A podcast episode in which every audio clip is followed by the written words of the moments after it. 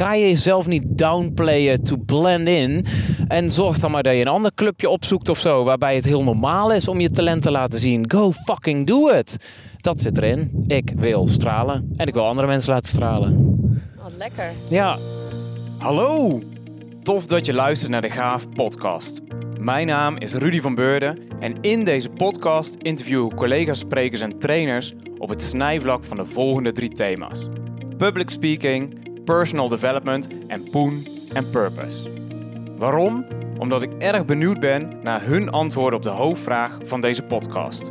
Hoe fix je een gaaf leven? Dus, ben je ook benieuwd naar antwoorden op deze vraag? Of ben je op zoek naar meer energie in je leven en meer helderheid in je hoofd? Zet je dan schrap, want hier komt een volgende aflevering.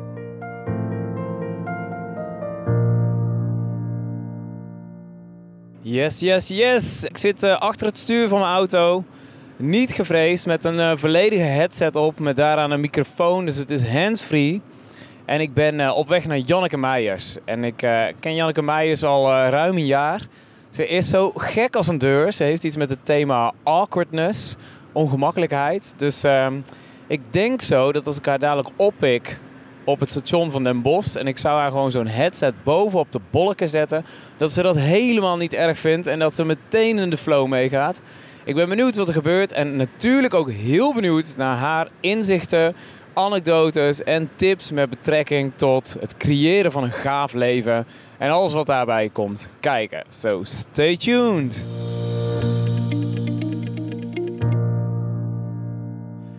Ik rijd nu Den Bosch in over echt de mooiste entree eh, die een stad kan hebben. Tussen de eeuwenoude grote bomen door. Prachtig. Ik ben er dus bijna, want het zon ligt hier lekker dichtbij. Yes, de rotonde met de draak. Ik kan hem hier wel even stilzetten. Hey, hallo. Kom erbij. Janneke, je bent er. En ik heb meteen een microfoon voor je. Je er heel cool uit. Hoe is het met jou? Je, bent, je hebt het gevonden. Het is supergoed weer. En ik zei in mijn introotje daarnet al... Janneke is helemaal van de gekke awkward dingen natuurlijk. Dus ik duwde meteen een microfoon in de mic... en dan zie ik wel hoe ze gaat reageren. Het is echt zo tof om jou te zien aankomen chasen met zo'n eh, soort van eh, helikopter-outfit aan. met koptelefoon. Het is wel een hoop natuurlijk. Even kijken of je het überhaupt doet. Doe nog maar eens. Zet die aan. Check. Hoor je mij? Ja, nu wel. Ik vind het zo te gek dat ik net echt mijn leven heb verteld aan jou en dat dat niet is opgenomen. Nu heb ik wel een- op de rode knop gedrukt. Dat er nog een beetje mysterie is in het leven ook. hè? Zeker. Oh, Janneke, die dingen die je me net allemaal hebt verteld. nee, het valt gelukkig allemaal mee. Volgens mij heb ik je tien minuten geleden opgepikt of zo. Ja, dat was wel echt cool met zo'n eh, geluidsinstallatie en al. Echt alles erop en eraan. En eh, bijna een oude oma van de fiets afgereden ook. een Ja. beetje zonde. Ik heb nog nooit gezien dat iemand daar niet boos om werd, maar door jouw ontzettend positieve energie vond ze het eigenlijk wel Kwamen fijn. we er nog mee weg? Oh. oh, we beginnen weer head over heels, weet je wel.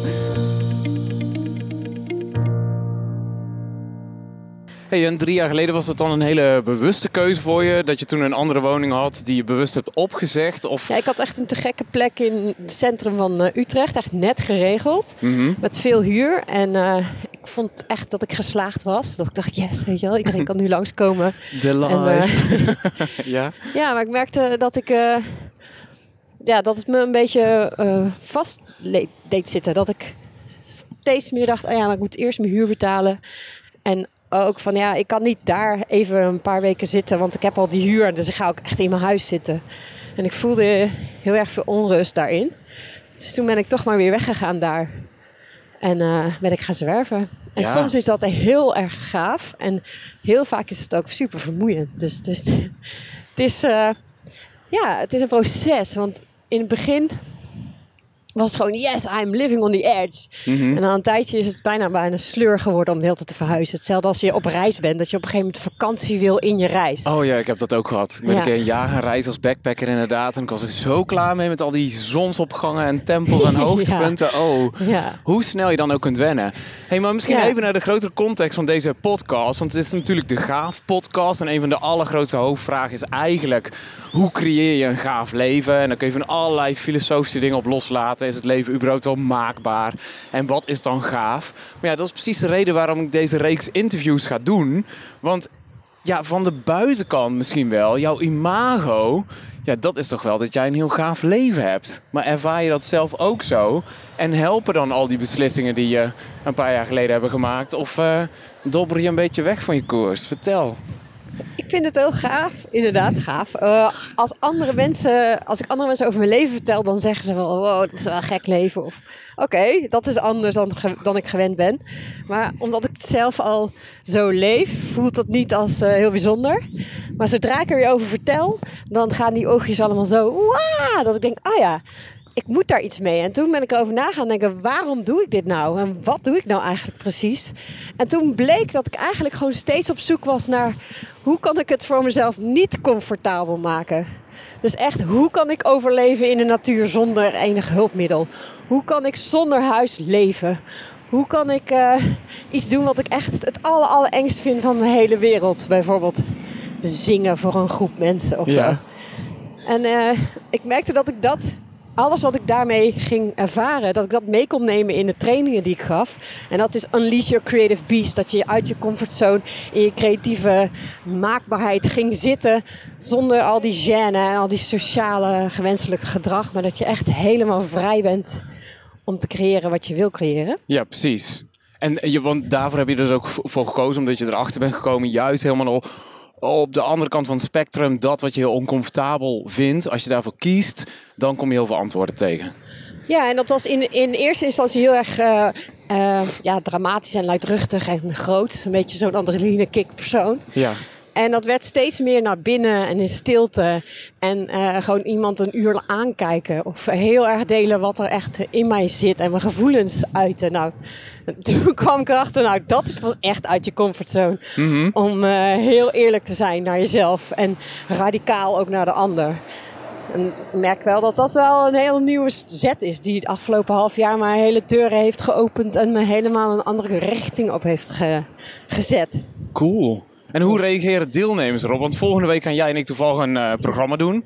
En dat eh, staat in het teken van lef. En ik kon jou echt makkelijk erbij plakken eh, slash verkopen met een hele easy pitch. Want ehm, ja, ik zei, Janneke doet zulke vette dingen, waaronder Unleash Your Creative Beast. en dan staat ze bij de deur van de workshopruimte als de deelnemers binnenkomen. En dan, eh, ja, dan komen die binnen en dan geeft ze ze een hand. Zegt ze, hoi, welkom op de dansvloer. En dan trekt ze die mensen zo aan hun arm naar binnen. Terwijl zij zo met dit hele gezicht zo aan het cringen zijn van, oh nee, ik zit verkeerd. En dan binnen vijf minuten sta je met iedereen te, te dansen. En dan zeg je zo, hebben we dat ook weer gehad? Vanaf nu kan het alleen maar meevallen. ja. Zit dat er ook in? Of, of ga je naar een andere modus toe met die Nee, dat deelnemers zit van er nog steeds in. Eh, wat bij mij heel erg werkt is... Ik, eh, ik vind het echt zelf echt heel erg leuk om zo gek te doen dan. Dus mensen die denken wel... Oh, dit is echt het allerergste wat je me nu kan aandoen. Om nu te gaan dansen met mijn collega's of met mijn team. Eh, zo fuck you, een beetje die eh, gevoelens zie je op die gezichten. Ja. En ook van, ga ik dit nou echt doen? Heb ik hier nou echt voor betaald? Ja. En eh, dat, die en gevoelens en die houding, die gebruik ik daarna. Van oké, dit is dus wat je ook krijgt als je dingen gaat creëren. Dan krijg je ook, ja shit, ik ga niet te gekke dingen doen. Want dan word ik misschien wel weggebonjourd in mijn team. Of dan eh, word ik niet meer serieus genomen. Of dan gaat mijn status naar beneden. Ja. Dus al die dingen die in je hoofd gebeuren als ik zeg welkom op de dansvloer. Ja. Dat is hetzelfde als ik zeg oké, dan gaan we een innovatief eh, traject in. Je gaat super vette dingen bedenken. Dan ga je ook ineens toch snel de brave kant op. Ja, en het is zo waar wat je zegt. Want eigenlijk met al die dingen, het is net als salarisonderhandeling. Je moet gewoon veel hoger inzetten dan waar je op uit wil komen. Want, eh, want het wordt altijd minder en nooit meer. En zo is het eigenlijk ook met plannen. Als die niet groot genoeg zijn of niet raar genoeg zijn. Kijk, wij lopen hier nou al bijna een kwartier met zo'n mega headset op. en het, het voelt er bijna normaal. Maar we worden nog steeds door heel veel mensen aangestaard. Kijk, daar links van ons is het pontje. Daar gaan we daar ook overheen. Oh, super gaaf. Je over mag het hem zelf water- aanzwengelen. Ja, precies. Maar dat is, maar, dat is een bepaald type mens die daarvan geldt. Hè. Daarom, word, daarom ben jij ook een trainer geworden. Denk ik, omdat je het ook leuk vindt om voor een groep te staan of een gek te doen, of niet? Ja, ik, ik, ik, ik heb echt wel een dingetje met middelmatigheid. ik ben daar echt een beetje allergisch voor. En dat was eigenlijk op de middelbare school al. Dat zat ik op uh, in de vierde, vijfde klas en dacht ik, oh, echt shoot me, kunnen we hier weg of zo? Um, dus ik was, ik, ik was daar heel erg uh, mee bezig. Dus misschien heb je echt wel een kern, kern te pakken. Dat je, te, dat, dat je het oké okay vindt om anders dan anderen te zijn. Ja, ik herken dat wel. Dat had ik ook vroeger. Ik was... Uh, ik ben opgegroeid op een boerderij. Mijn vader is uh, koeienboer. Echt te gek om te zijn. Maar ik vond dat dus al helemaal niet cool. En uh, ik was ook heel veel ziek. Omdat ik heel allergisch was voor alles wat daar was. Mm -hmm. Dus ik had al best wel een bankleven. En dat zo rond mijn puberteit dacht ik ook... Ja, wat, dit is echt niet wat ik wil zijn. En toen heb ik dus besloten om uh, een beetje meer groots en meeslepend te leven. En dat is een beetje doorgetrokken tot al nu dat ik niet echt groots en meeslepend naar buiten toe allerlei avonturen wil. Maar meer ook vanuit binnen heel levendig en echt voelen. Oeh, we gaan een pontje. Ja, we staan op een pontje. Het gaat nog goed. We zijn ondertussen echt een heel groot avontuur aan het leven. Ja, en ik wil er eigenlijk bijna wel midden op meer het van water. genieten in plaats van Ja, dat het in mijn we doen even een korte pauze. Goed? Ja. Oké, top.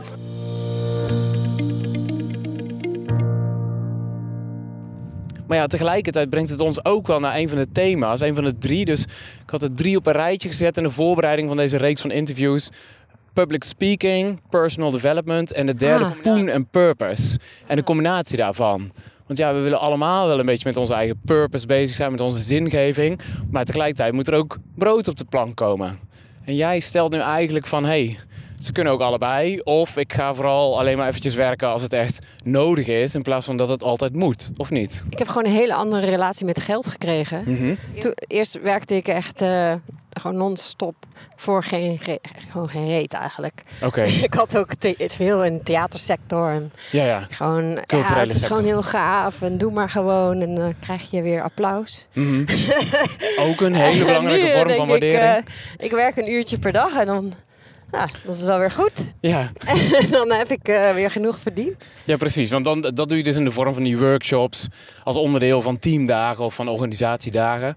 Dat dus ook. Ja, en ik merk dat, eh, dat mensen niet goed weten hoe zij eh, creatief zelfvertrouwen kunnen opbouwen, waar ik dus heel erg in zit.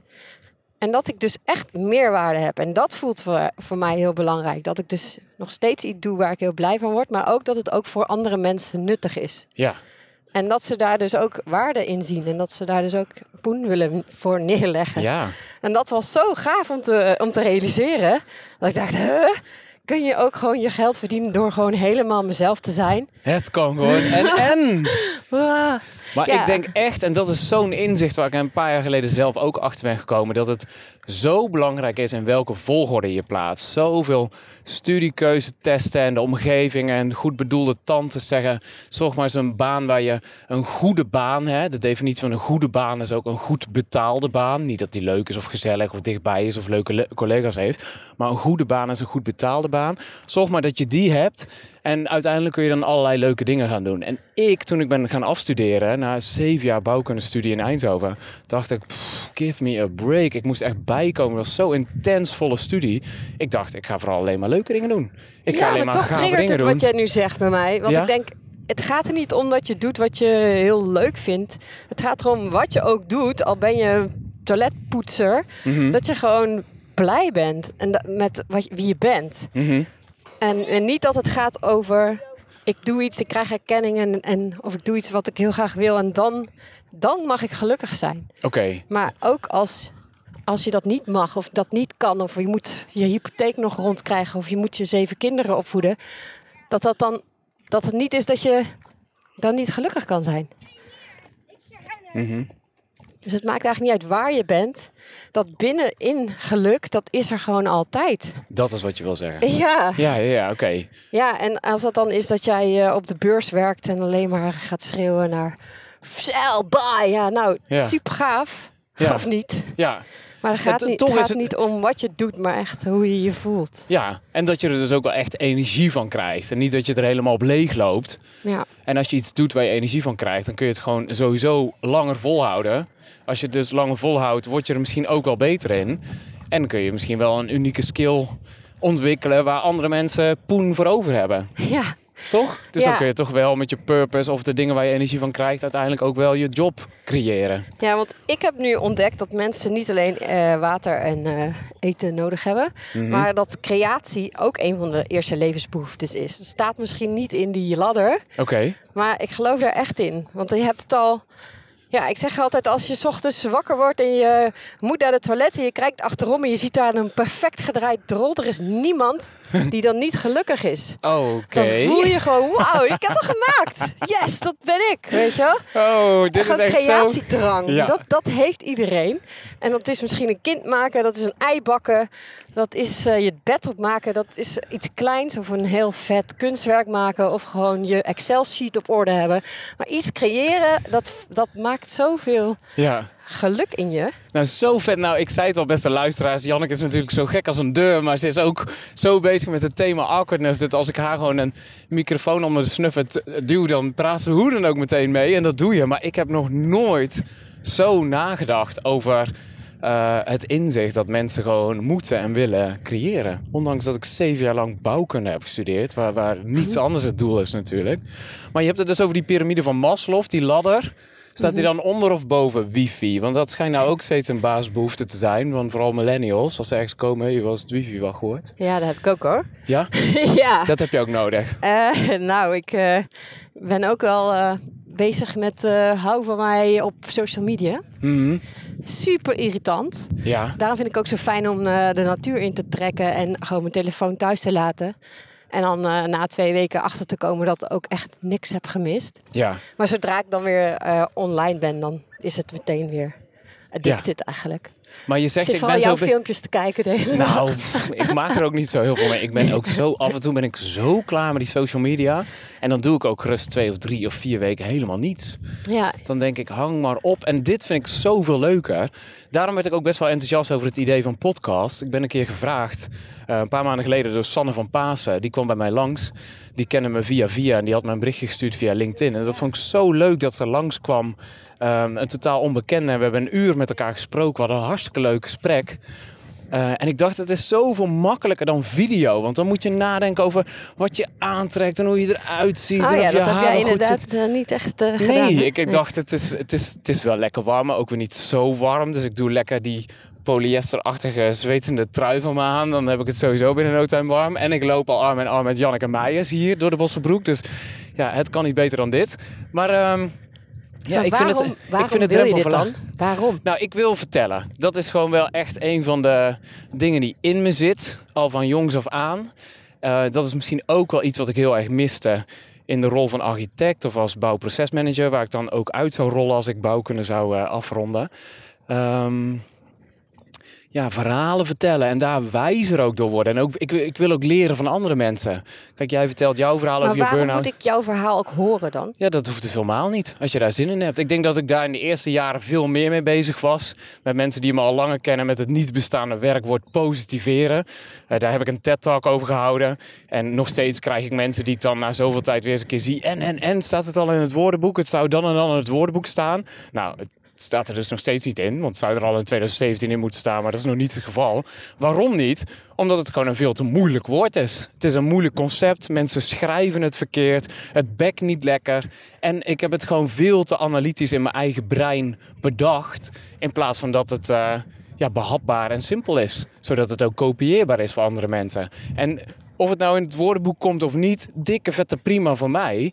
Maar sommige mensen en deelnemers of trainees of wat dan ook die ik in mijn groep heb gehad, die zeggen wel, wauw, wat een zienswijze, weet je wel, daar kan ik ook wel iets mee. Nou, doe je voordeel mee. Ja, ik realiseer me ook van, hè, positiveren, is dat niet een woord dan? Omdat ik natuurlijk al veel in jouw omgeving zit. Jij bent al gebrainwashed. ik ben al gebrainwashed, realiseer ik me nu. Oh jee, oh jee, oh jee. Ja, Ja, maar dat, ik denk ook, er is echt wel zoiets als vrije wil. En als je mensen dingen gaat opleggen of ze door de strot duwen, waar ik misschien in het begin wel veel ferventer in was dan nu, dan, eh, ja, kan het ook een beetje awkward worden. En we weten al dat er niks mis is met een beetje awkward nu en dan. Maar het is wel ook als je voor jezelf begint als ZZP'er, er is een bepaalde bal die je in beweging moet brengen. En dan moet je op het begin heel hard tegenaan drukken, omdat jij de enige bent die het ziet gebeuren of die erin gelooft. En dat vergt mega veel energie. En misschien moet je dan net iets hoger van de toren blazen. Ja, dan wat je eigenlijk allemaal al op de plank hebt liggen. Maar ehm, ja, uiteindelijk gaat die bal rollen. En dan gaan andere mensen je ook helpen. Door je te vragen, door je opdrachten te geven, door uh, uh, goede recensies te schrijven bijvoorbeeld. En ik denk dat je dan, althans als ik voor mezelf spreek, word je wat kalmer in everything's gonna be okay. Weet je wel? Het is al lang goed. Het is prima zo. Ja, en doe het ook vooral vanuit jezelf. Want wat ik heel vaak heb gedaan, is ook de overenthousiaste Janneke spelen. Mm. En uh, dat was voor mij heel erg fijn. Omdat ik dacht, nou dan hoeft niemand mij, mij echt te zien. En dan speel ik safe en dan kan ik toch lekker doorleven. Ja.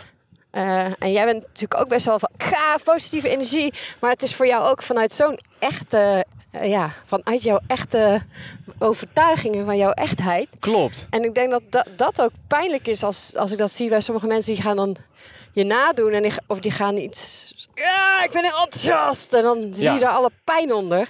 En ik denk, ja, het is jammer om te zeggen, maar je moet echt eerst naar jezelf gaan kijken voordat je die resultaten gaat krijgen. Want je Ja. moet echt vanuit je hart, vanuit elke vezel in je teen. Oh, ik wil dit echt zo graag. Ja, en op je eigen manier ook.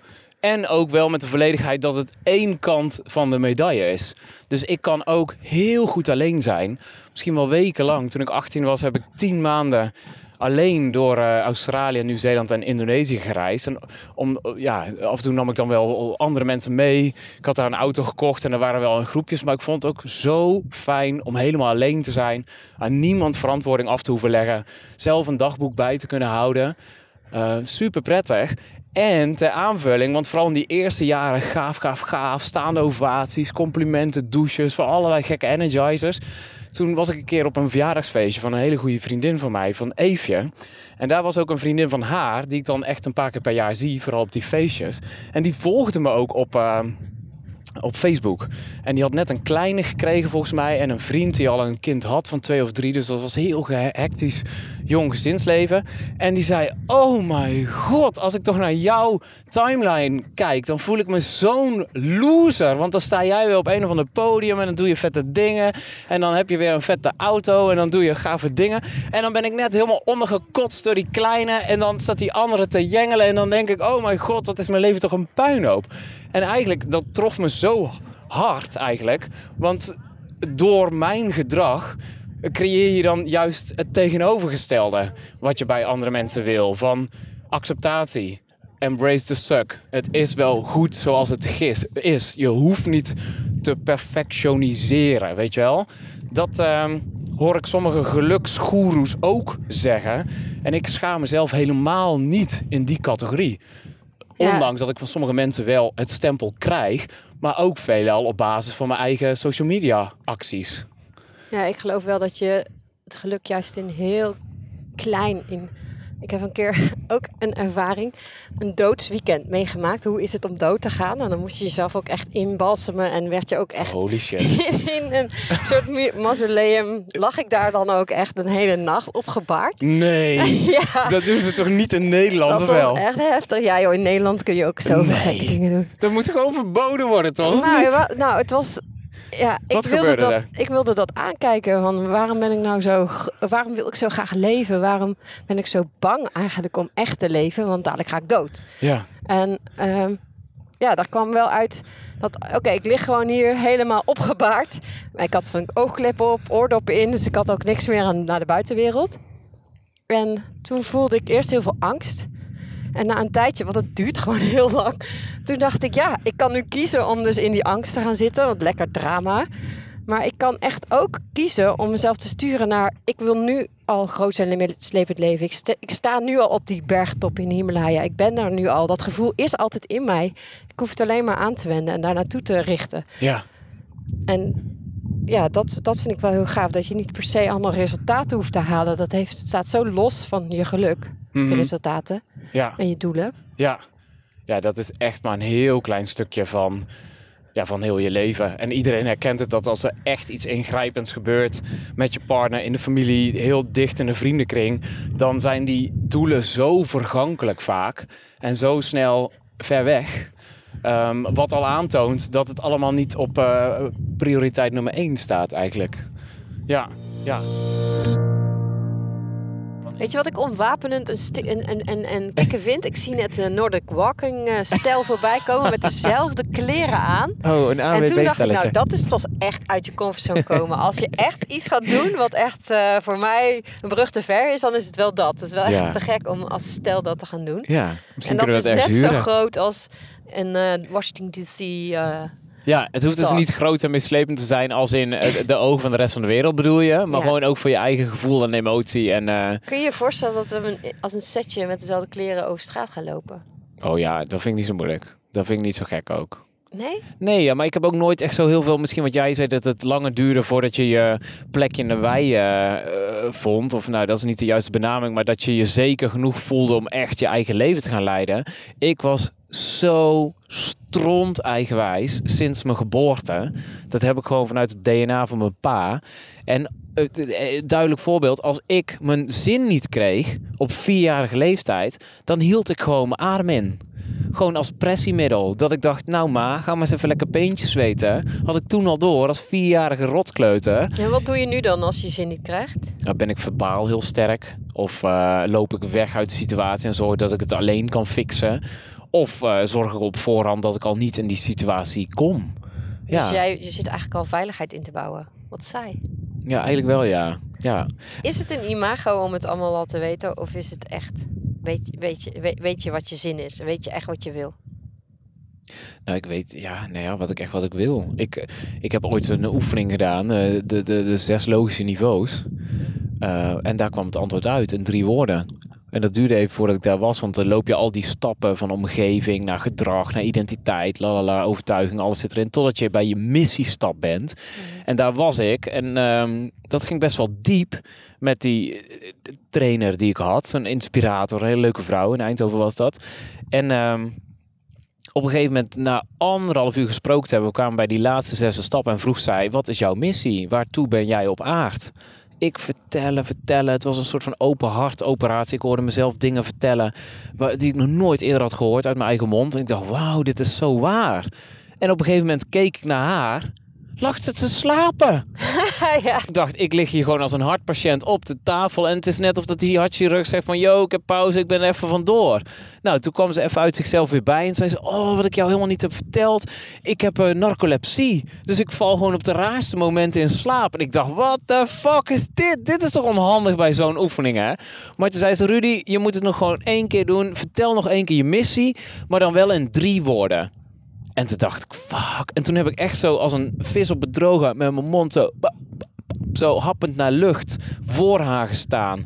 Op dat A4-blaadje met het woord missie erop. En uiteindelijk kwam ik eruit met mijn arms wide open. Ik wil stralen. Ik wil mezelf gewoon laten zien. Ik wil een andere mensen laten zien dat je jezelf gewoon kunt laten zien. En dat je daar echt niet kokkie of achterbaks voor hoeft te zijn. Of uit Amsterdam voor hoeft te komen, bewijzen van. Want dat is wel hier een beetje de bescheidenheid van de provincie misschien.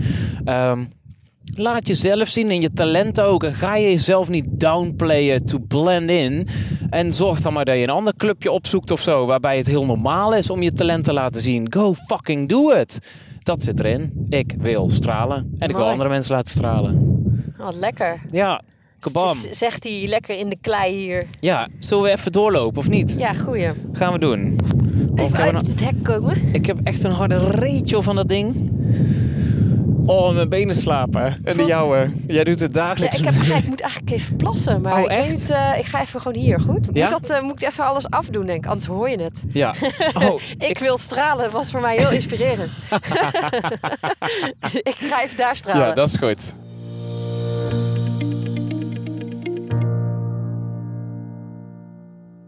Het is lekker gevoel, joh.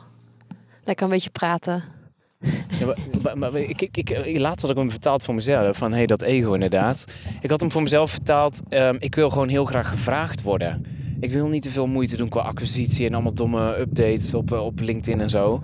En dan zeggen mensen wel eens, als ik ze dan weer zie na, na een jaar of zo, weet ik veel, als ik er ergens tegenkom, van nou, lekker bezig, weet je wel. En dan zien ze allemaal updates.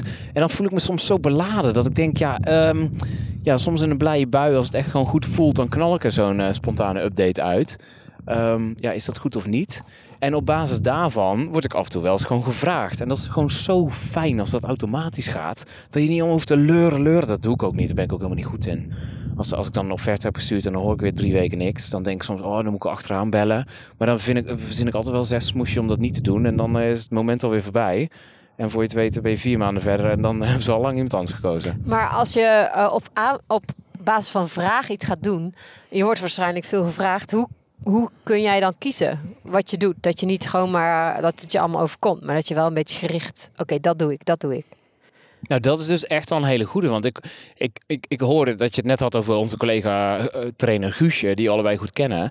En toen dacht ik, wauw, shit, ik ben misschien ook uh, door een hele grote opdrachtgever een beetje aan het afdobberen van de koers die ik wil gaan. Omdat het heel erg inderdaad vraaggericht is over allerlei thema's die niet zo super bijzonder zijn. Of van die hele veel rationele thema's.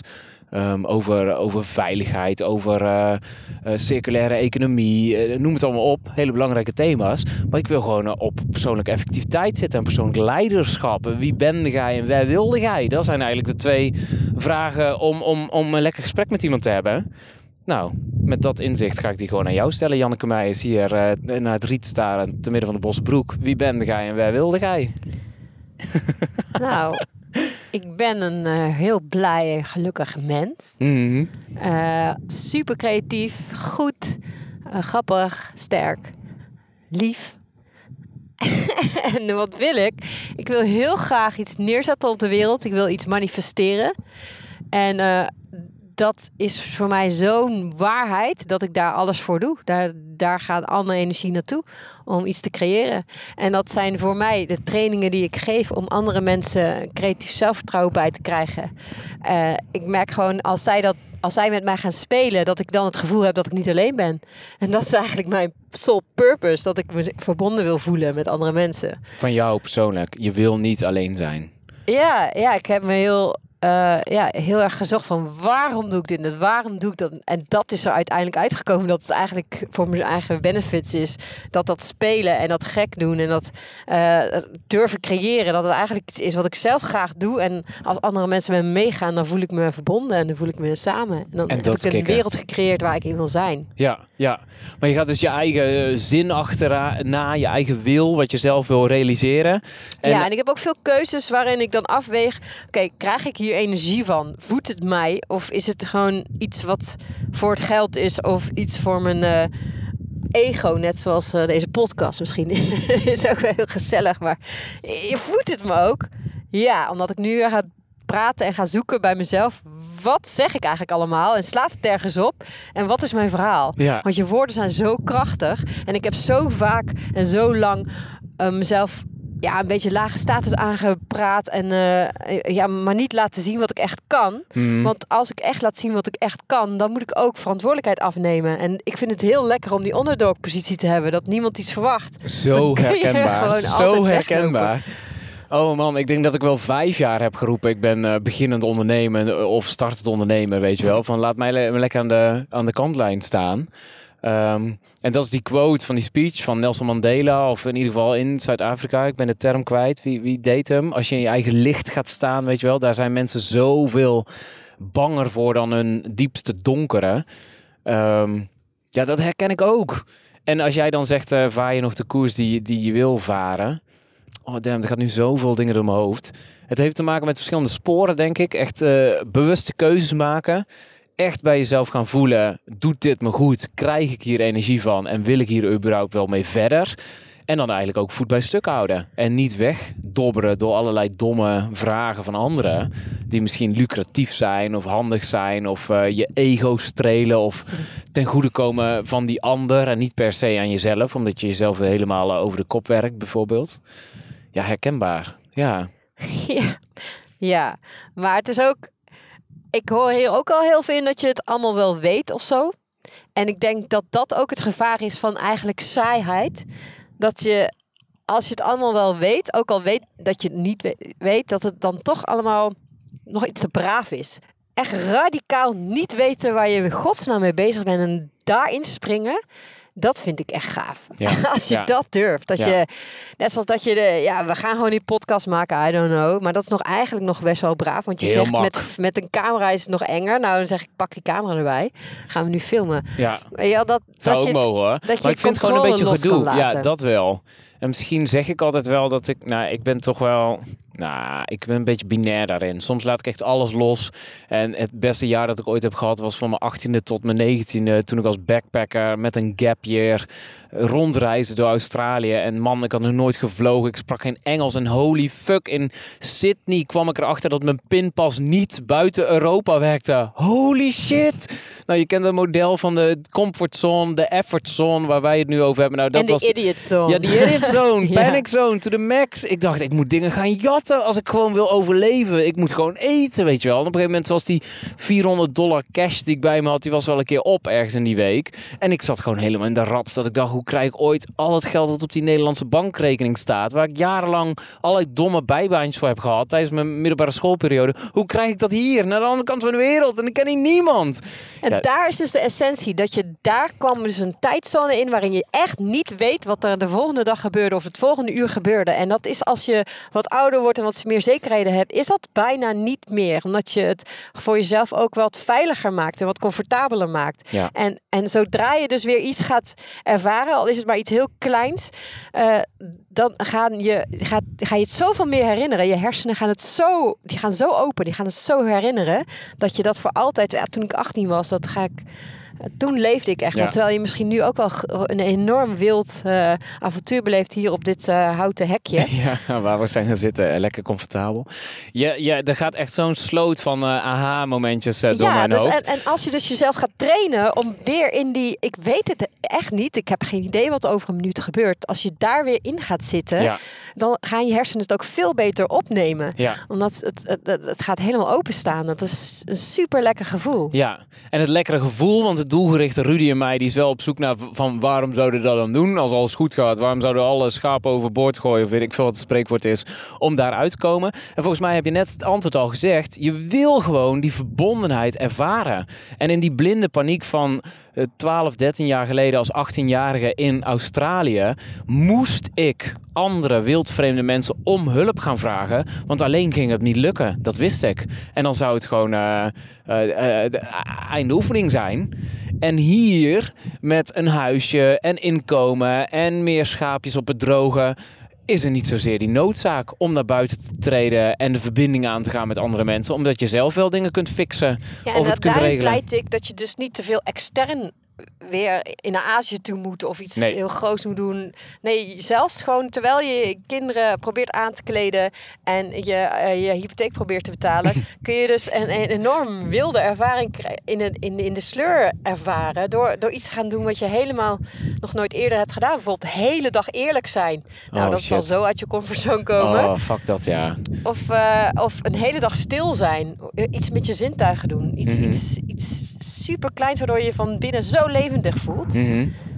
Dat, eh, ja, dat is ook bijvoorbeeld bij public speaking. Als ik eh, bijvoorbeeld een, een, een ma- map maak met eh, wat ik allemaal dan ga zeggen. Mhm. daar heb ik laatst ook de tip voor gekregen. Dan ga je naar, naar, kijken naar je sprekerskaartje. Ja. En dan ga je heel veel emoties opwekken. Dus ga je ineens heel veel voelen. En dan ga je het voor altijd onthouden. Dus ga je heel dramatisch erover doen of heel blij erover doen. En dan blijft het in je geheugen gegrift. Dus als je daar lekker die boterhammen met chocopasta aan het smeren bent. En dan echt naar die boterham kijken en zeggen... Wow, wat een super enge boterham of een hele leuke boterham. Ja. Dan, dan ga je dat voor altijd onthouden, die boterham. Dat is best wel gaaf. Dan kan je, Die ene boterham uit 1993 met chocopasta. ja, maar dus hoe bewuster je leeft, hoe, hoe echt intiemer je eigenlijk met jezelf bent... Ja, hoe eh groter en mislepender je leven is van binnen eigenlijk. precies. En dan kom je toch een beetje terug naar die eh, culturele hoek waarin je heel veel hebt gewerkt. Daar zat je ook niet voor niets natuurlijk dat je dat deed, omdat je dat ging opzoeken, verwonderd wilde raken en verwonderd eh, zijn. Ja, Ja, ik Ja. was vooral heel erg aan het kijken hoe andere mensen dingen doen. Ik ben echt een toetser. Dus ik, ik kijk eerst hoe ze het doen. Dan ga ik het een beetje uitproberen. Maar ik vind het heel eng om het zelf te doen. Dus ik vind Ja. het fijn om een beetje te kijken naar andere mensen. Dan ging ik dan theater maken. Dan ging ik een beetje kijken hoe ze dat dan deden. Maar het echt zelf doen, ja, dan moet ik eerst goed genoeg zijn. Of dan eh, moet ik eerst nog die training volgen. Ja. Of dan moet ik eerst die hulp hebben van iemand. Ja, Het heeft lang geduurd. En dan pas ga ik het aan. echt eh, Ja. zelf voluit eh, verantwoordelijkheid nam voor wat ik wilde en ging doen. ja. En dat is ook niet erg. Het heeft gewoon, ik heb gewoon een lange incubatietijd in mijn leven gehad. maar daardoor is nu de tijd ook dat ik het zo geniet. Omdat ik nu wel echt het zelf doe. Waardoor ik echt het gevoel heb dat ik echt zelf leef. In plaats van dat ik kijk naar andere, hoe andere mensen leven. Ja. Nou, dat is maar goed dat we nu al 3,5 dag zijn aan het bivakeren hier in de Bossenbroek. Want Ja. we hebben al eh, 24 uur aan audiomateriaal opgenomen. En je stem klinkt veel krachtiger. Je durft veel meer te zeggen. En je hebt me echt heel hard met de neus op het feit gedrukt. Van hé, hey, eh, laten we dan ook echt eerlijk zijn en met de billen bloot. Dus als het gaat over public speaking, slash eh, personal development, slash het thema poen en purpose. eh, welke vraag heb jij aan mij? Ja, waar ik heel nieuwsgierig naar ben. Eh, dat is als dit ding uitstaat. Mhm. En je hebt echt nog een minuut om iets te vertellen aan mij, wat echt helemaal vanuit je hart komt. Wat is dan eigenlijk jouw boodschap?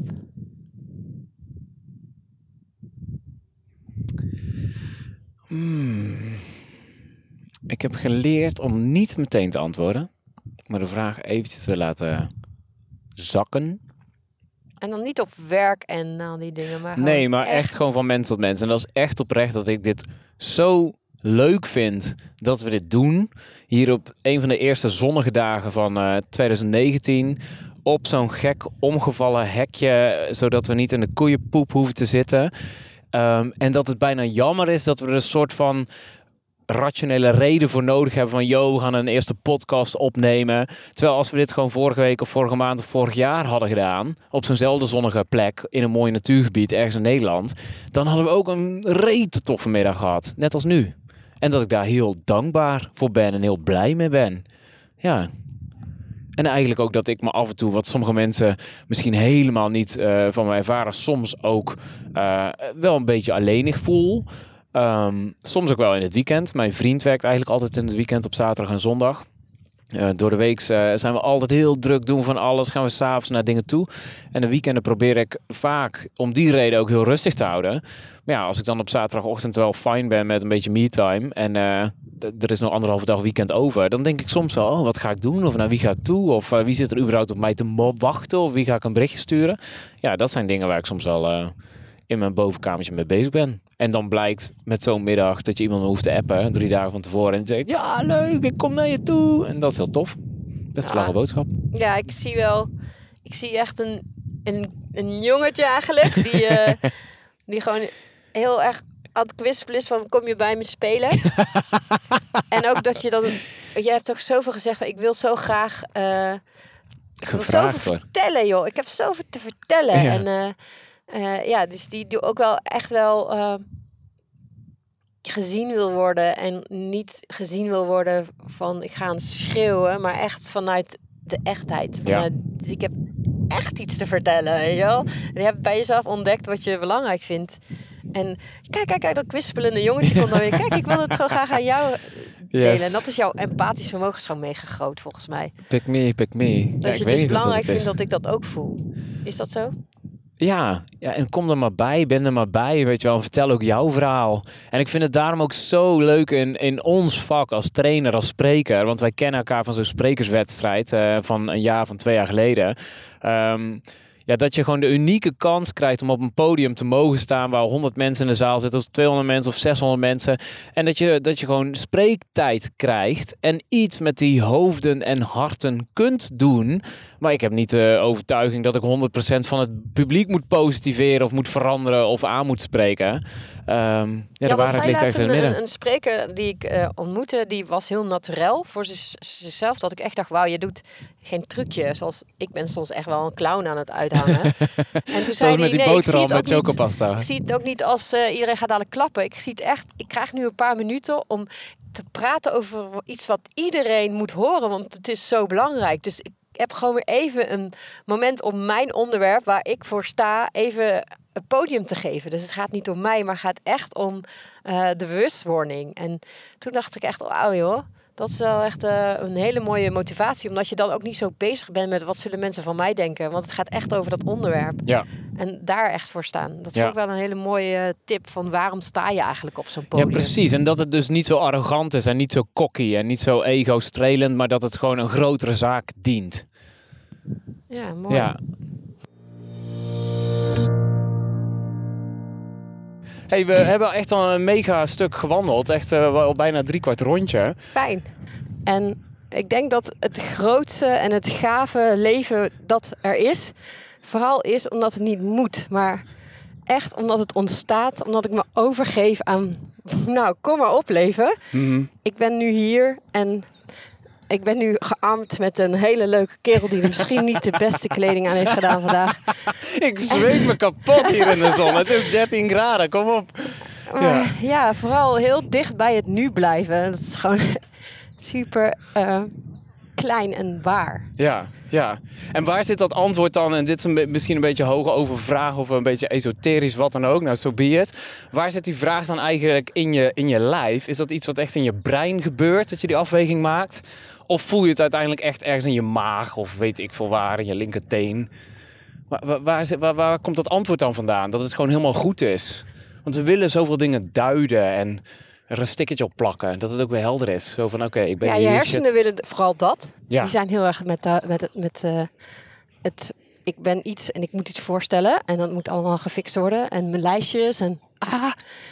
Maar vanuit je hart heb ik heel veel connectie met mensen. Maar echt mijn waarheid zit echt helemaal bij mij in mijn buik. Mhm.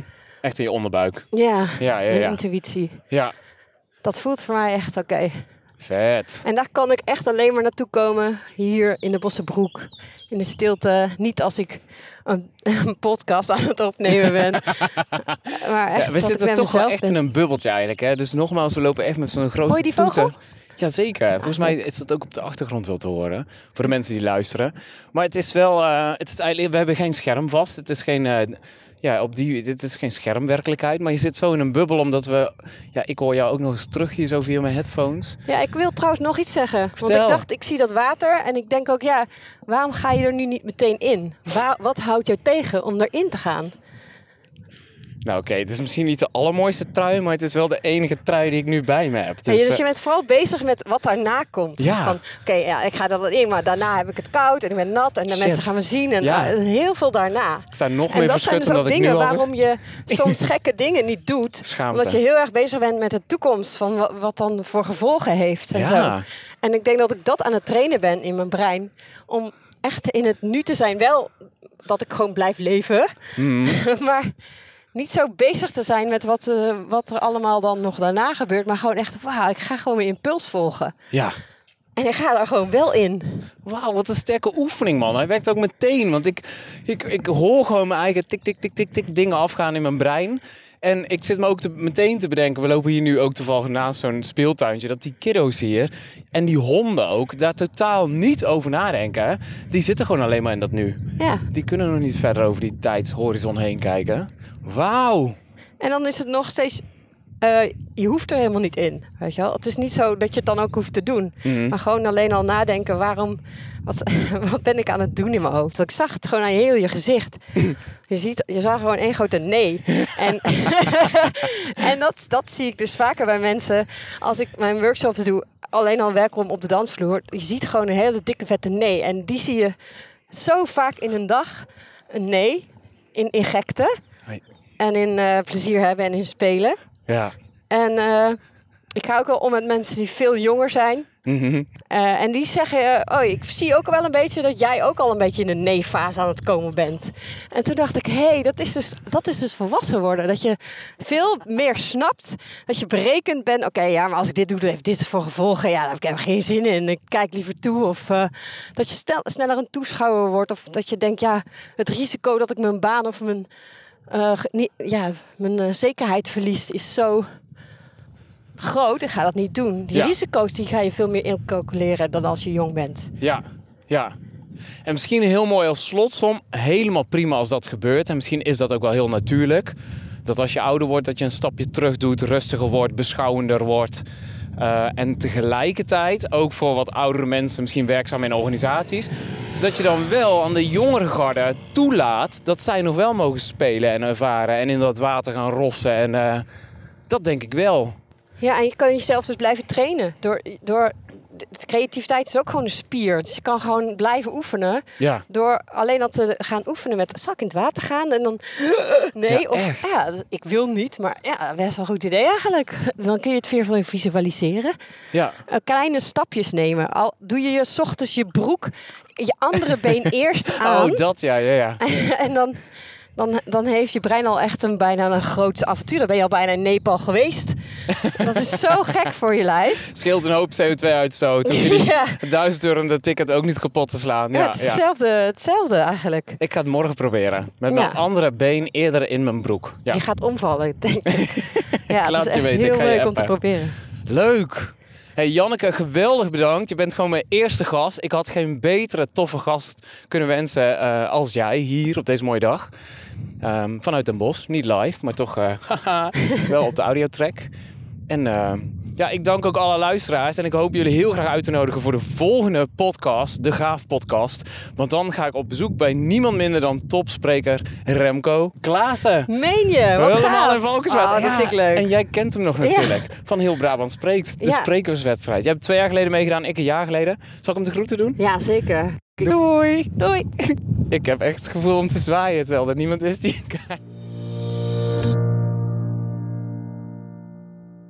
Leuk! Cool! Hoe warm, hè? ik heb het... ja, Ik vind het leuk! Ik wil helemaal niet stoppen, joh. Hey jij daar, zit je met een vraag of heb je een suggestie voor hoe deze podcast nog gaver kan worden? Of misschien ken je wel iemand die ik echt, echt, echt moet interviewen? Stuur me dan een mailtje via podcast.gaaf.eu.